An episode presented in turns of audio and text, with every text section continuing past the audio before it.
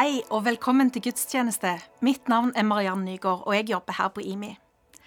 Vi samles fremdeles hver på vår kant, enn så lenge. Men det skjer utrolig mye fint rundt omkring i huskirkene. Hverdagslivet, altså. Det er undervurdert. Og i det siste så har jeg delt så mange hverdagsvitnesbyrd. Historier om ting som har skjedd i min hverdag, i familien, blant venner eller på dagligdags arena. Det kan dreie seg om at jeg plutselig får et ord til noen, blir minnet om å ringe noen, eller jeg ser eller hører ting som jeg bestemmer meg for å handle på. Oftest uten helt å vite hvorfor. Og ut fra dette så har jeg fått oppleve rare og fantastiske ting. Ting som jeg aldri kunne ha forestilt meg, men som Gud gjør i min hverdag. Lenge syntes jeg at det var fint lite å dele. Det var jo ikke de store miraklene eller et livsforvandlende under som det handla om. Men så har vi jo hørt Martin Cave si det. Hva gjør du nå, Gud? Og Det har vi hørt ca. 2000 ganger. Kanskje får vi høre det litt senere i dag òg, når han skal dele med oss. Og det er, dette er akkurat det som jeg opplever at Gud gjør nå.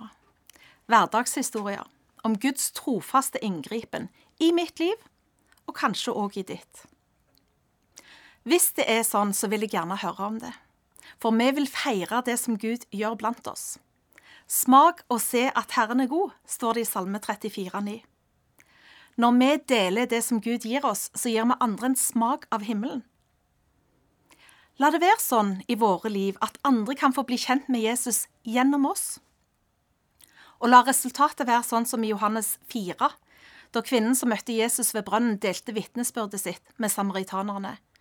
I vers 42 så står det:" Nå tror vi ikke lenger bare på grunn av det du sa, vi har sjøl hørt han, og vi vet at han virkelig er verdensfrelser. Folk får høre om Jesus gjennom deg, og så får de erfare han på egen hånd. Og det gleder vi oss over. Har du et sånn et hverdagsvitnesbyrd, så vil jeg gjerne høre fra deg. Send det til Mariann at imikirken.no, så vil vi feire sammen med deg. Gud er god. Og nå skal du få høre om noe annet spennende som skjer i Imi kirka. Er du vanligvis med og bidrar i gudstjenesten, så bør du høre ekstra godt etter nå. Nå står jeg foran en sal som har vært tom her ganske lenge. Heldigvis har de fleste av oss funnet andre måter å møtes på den tida. Og mens vi venter på det gode, bør kunne samles her igjen. Så skal vi få møtes til en felles teamkveld for alle frivillige til gudstjenestene den 10. mars klokka 8 til 9. Og det er på Zoom. Eh, og da skal vi få sende det herfra, så vi kan få litt filen av å være her likevel. Eh, og da skal vi ha først litt konkurranse og gøy og kunne se hverandre. Og så skal vi høre historier og vitnesbyrd på hva Gud har gjort i den tida. Og så skal vi få litt input på det, det som ligger foran. Og så skal vi òg få en halvtime sammen med den gruppa som du er frivillig med på gudstjenesten. Jeg gleder meg til å se deg den 10. mars. Halleluja! Vi lever for noe større enn oss sjøl, og det er vårt privilegium å få be inn i og investere inn i det som skjer i andre steder i verden, det som Gud gjør der. Og det vil Kjartan Sørheim fortelle litt om nå. Hei. Da har jeg lyst til å bare få takke dere for de gavene dere er med og gir til vårt internasjonale arbeid. Det betyr enormt mye, men jeg har bare lyst til å få si et skikkelig tusen, tusen takk til alle mann. I dag skal jeg ta dere litt inn i, i det arbeidet vi gjør i Thailand. Kanskje ta et lite dypdykk i dag. Det vi holder på med i Thailand, det er Du kan sammenligne det med et drivhus. Det har jeg sett for meg mange ganger, dette bildet av drivhuset. Jeg har lyst til å lage et sted der unge ledere skal få lov til å få gode vekstvilkår. Der unge ledere skal få lov til å nå hele det potensialet som Gud har lagt ned i dem. I dag så har jeg lyst til at dere skal få se bildet av denne her flotte dama her. Dick. Denne dama her hun møtte jeg for 16 år siden, når hun begynte som eh, språklærer for meg og tre andre misjonærer som flytta til Thailand. Den gangen der så, så, så hun ikke kristen, men allerede da så, så vi et enormt potensial i den dama. Og vi begynte å snakke oss imellom. Hva skjer, Gud, den dagen når hun tar imot deg? Og hun får eh, den himmelen over livet sitt. Fytti grisen, tenkte vi. For et potensial. Og så har vi fått lov til å gå en vandring sammen med Dick i løpet av disse 16 årene og sett at hun har tatt imot troen. fått vært med å døpe henne, og få ta imot alle spørsmålene og få lov til å være med og disippelgjøre henne. I dag så får hun lov til å bo i dette drivhuset som Thailand Christian Network er. Et sted der hun kan få lov til å modnes og kultiveres med de ferdighetene som Gud har lagt i henne. I denne tida her, eh, under korona, så har jo vi òg måttet legge om aktivitetene våre. I dag skal dere få høre litt hva hun har brukt tida på. Hun har brukt de siste månedene nå til å studere og fordype seg i veiledning og sjelesorg. Så nå er vi helt på trappene til å starte opp et eget veilednings- og sjelesorgsarbeid i Thailand, tilknytta TCN. Dette henger nøye sammen med de verdiene som vi ønsker å bygge dypt ned i den thailandske røde jorda. Vi ønsker å se mennesker som har en ekte og trygg identitet, som er rotfesta og grunnfesta i Jesus, og som, er, som lever integrerte liv. Som lever hele liv ikke liv som lever opp til en standard, men liv som lever sant menneskelig og sant åndelige, som hele mennesker. Og jeg kan ikke tenke meg en bedre person enn Dick til å ta ny generasjon inn i disse virkelighetene. Jeg opplever det. Det jeg får lov til å gi henne, da tar hun, hun kultiverer det, og hun gjør det så anvendelig. Hun gjør det så nært for thaifolket. Og tar sitt eget folk inn i denne realiteten.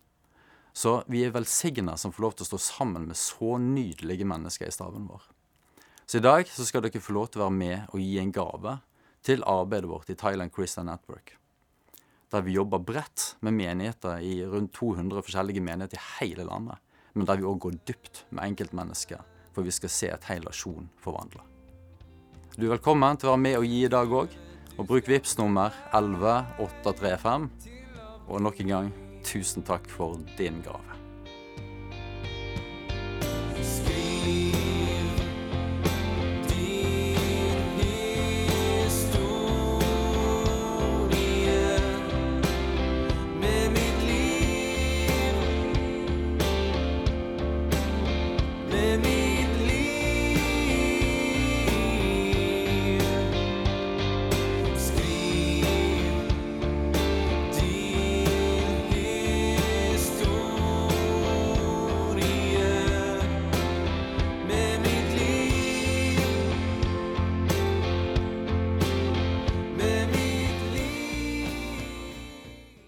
Hei igjen.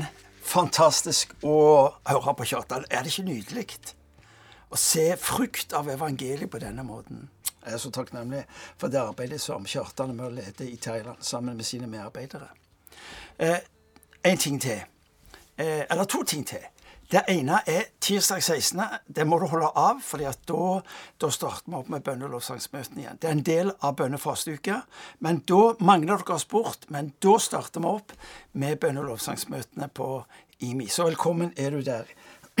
La meg også i all ubeskjedenhet få lov til å anbefale en bok som Elling og meg har skrevet, eh, som heter 'Jesus som forbilde'. Grunnen til at jeg anbefaler den nå, det er at mye av det jeg skal si, har eh, du har anledning til å studere mer og jobbe mer med i denne boka. Så velkommen er du til å uh, fordype deg uh, når jeg er ferdig med mine tanker uh, videre. Du kan kjøpe boka på i imekirka.no. Jeg tror det er en bra bok ifølge det jeg har hørt av folk som har lest den. Så velkommen er du til å fortsette studiet etter at denne andakten er ferdig. Vi lever i en vanvittig spennende tid. Eh, det vet vi. Vi har sagt det. Vi tenker det, vi drømmer det, og vi føler det. Eh, I denne tida, hva, hva, hva skal Kirka være? Eh, hvem skal vi som enkeltkristne være i denne tida? En Stephen Croft, engelsk teolog og biskop, han har sagt det sånn Vi lever i ei tid med store forandringer. Som kirke må vi bli mer lik Jesus i denne tida. Vi må leve etter de samme prioriteringer som Jesus hadde. Vi vil kun finne kraft til å møte denne forandringen dersom vi er rotfesta i Jesu liv. Vårt kall er å være Jesus' etterfølgere. Vårt kall å være et Jesus-folk. Da blir jo egentlig spørsmålet veldig enkelt. Hva var Jesu prioritering her? Hva var det som var viktig for han? Og det som var viktig for han, må jo også bli viktig for oss. På et vis så, så, opplever jeg at innholdet i Jesu liv kommer til uttrykk gjennom hans virksomhet. Nå døper han Johannes, som sitter i fengsel. Han er usikker på seg sjøl, tilværelsen. Der var det skjedd forandringer. Så begynner han spørsmålet hvem er denne Jesus? Er, er, er det han? Er er det han som skal komme? Og så sender han to av sine venner. Og så er det de som stiller Jesus spørsmålet når han er, driver sin virksomhet. Og så er spørsmålet er du den som skal komme, eller skal vi vente på en annen? Jesus svarte, Gå og fortell Johannes hva dere hører og ser.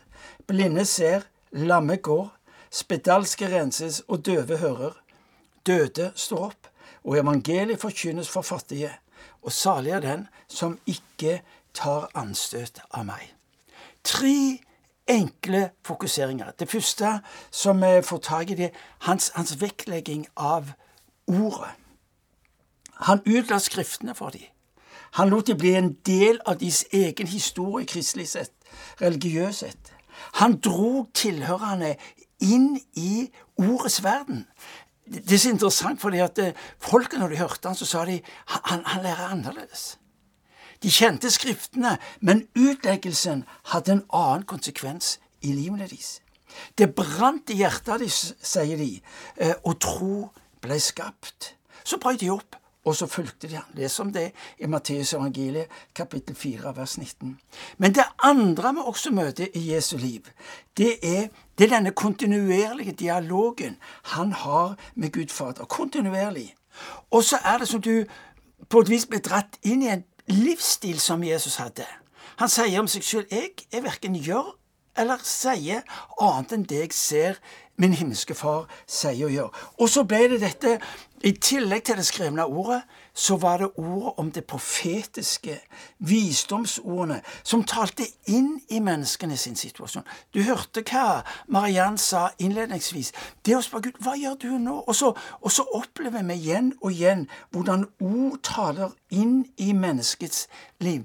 Bibelens beretninger i Nytestamentet, spesielt i evangelieberetningene, er jo nettopp hvor Jesus talte inn i mennesker sitt liv. Ordet hadde en avgjørende betydning. Det var altså en bibelkultur i Jesu liv, men det var også en profetisk kultur. Og inn i vår verden så er det avgjørende viktig at vi som kirke våger å holde dette sammen, ikke spille det ut, slik at folk både har et fundament for troen, for vandringen og livet, men også det å kunne få lov til å spørre i møte med mennesker, i møte med situasjoner Ja, så hva sier du til dette mennesket nå? Hva er det dette mennesket trenger å høre for sitt liv? Og så skapes det tro. Og så er det mennesker som våger Gud fordi han er god. Det andre som er kjent til hans, det er jo godheten. Altså, Jesu, Jesu, vandring var jo en vandring i godhet. Det står i Apostels gjerninger at han, han, gikk rundt og gjorde godt.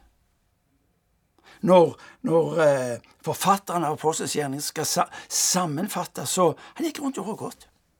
Gud er god, allmaktens Gud, full av omsorg og medlidenhet. Han, han var vanvittig god å være sammen med. Ja, hvordan vet det? Jo, fordi at de som de andre støtte ut, kjente at de kunne være sammen. Syndere, tollere og hva det nå måtte være. Han var god å være sammen med. Han makta å sammenholde både sannheten og nåden i dagligdagse ting, i såkalt viktige ting og i ubetydelige ting. Det er mer enn eh, nok når noen hører at han en gang gjorde dette berømte vinunderet. Det var jo helt unødvendig. Men det var en situasjon som var svært skambelagt om ikke den ble løst. Ja, gikk han den, så, så ordna han det. Og noen av oss har vært med og hatt erfaring med hvordan Gud griper inn i også det som kan defineres som litt sånn type unødvendig. Gud opererer ikke med hva som er nødvendig. Han opererer med hva som passer deg. Så våg han. Våg han når du kjenner at du trenger hans godhet. Eh, Gunn, en god venn av oss, eh, fikk en nabo, eh, eller hadde en nabo også, som var syk, alvorlig syk. Og så, eh, og så forteller Gunn at hun en, en dag ble minnet om at hun skulle gå over til denne mannen med en pose med boller går over til han og så sier hun at, eh, at, jeg vil gjerne få lov til å gi deg denne. Jeg forstår du har en vanskelig tid. Og så snakker de litt sammen, så sier vi hvis du vil, så kan vi be for deg eh, på, på IMI, den menigheten jeg kommer fra. Ja, men han var ingen kristen. Ja, men det gjør ikke så farlig. Vi ber for alle. Og så er historien at han blir med på bønne... Eh, helbredelsesrommet som Mimi kirke har hver lørdag. I denne tida så er det pause pga. koronaen, men vi lengter å se det åpne igjen. Men han begynte å komme inn der hver lørdag. Og så er det slik at eh, en gang så er det Irene, kona mi, som ber for han, og så spør han hvordan er det for deg å være her. Så sier han å komme inn her. Det er, det er lys, det er fred. Godt å være der. Ja, men sier René, vet du hva? Dette kan du ta med deg hjem. Ja, men hvordan kan jeg Jo, du kan få lov til å ta imot Jesus. Og der og da så, så våger denne mannen denne bekjennelsen av at han trenger Jesus for sitt liv, og liv forvandles. Det starta med en pose boller. Det starta med ei som så, ikke som burde vært annerledes, men hva som var muligheten til å bety en forskjell inni. Hva vil du og meg at våre liv skal være kjent for? Hva vil vi at menigheten vår skal være kjent for? Jo, dette dette er det jeg drømmer om. Han, hun, de menneskene der, vet du hva, de må du henge med, fordi at eh, der erfarer du godhet. Det var det andre. Eh, godhet. Ordet var det første. Det bibelske, det profetiske, og så var det gode. Det tredje som kjennetegna Jesu liv, det var jo undergjerningene. Det mest iøynefallende og overraskende var jo Jesu prioriteringer når det gjelder hans undergjerninger mener i dag at nærmere 25% av beretningen om Jesus er kobla opp til type undergjerninger. Han helbreder alle, står der. Alle, alle som berørte, alle som kom til ham. Tankevekkende nok så står det i Markus evangeliet kapittel 6 vers 5 at der kunne han ikke gjøre så mye på grunn av folkets vantro skyld. Det er noe der. Vi sier det skjer ikke så mye. Ja, kanskje må vi spørre har det noe med at vi tilhører en kultur, en vestlig kultur, som på et vis har flytta det overnaturlige ut, og så er det ikke plass for det. Overalt står det at han helbreder. Og når han så avslutter sin tjeneste, så overlater han denne stafettpinnen til sine medarbeidere, til neste generasjon, for at de skal føre videre. For han sier og disse tegn skal følge hver den som tror. Markus evangeliet, kapittel 16, vers 17.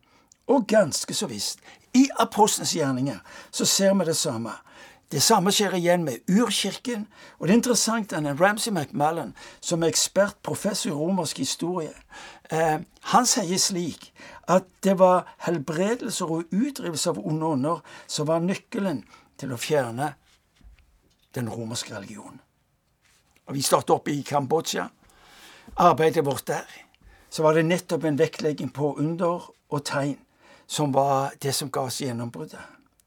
Jeg kunne ha slutta der, og, og, så kunne jeg latt spørsmål om hvorfor der og ikke her. Men det er ikke poenget nå. Din og min utfordring det er å vite at han har ikke forandra seg.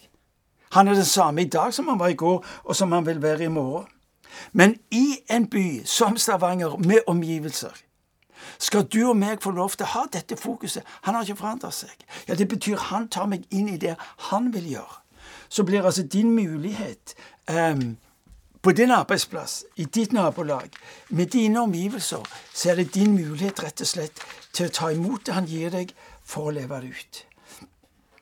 Hør nå. Vi kan være eksperter på det meste innenfor kirka sitt liv og kirka sitt levne, uten at det nødvendigvis har så stor betydning for en menneskers frelse.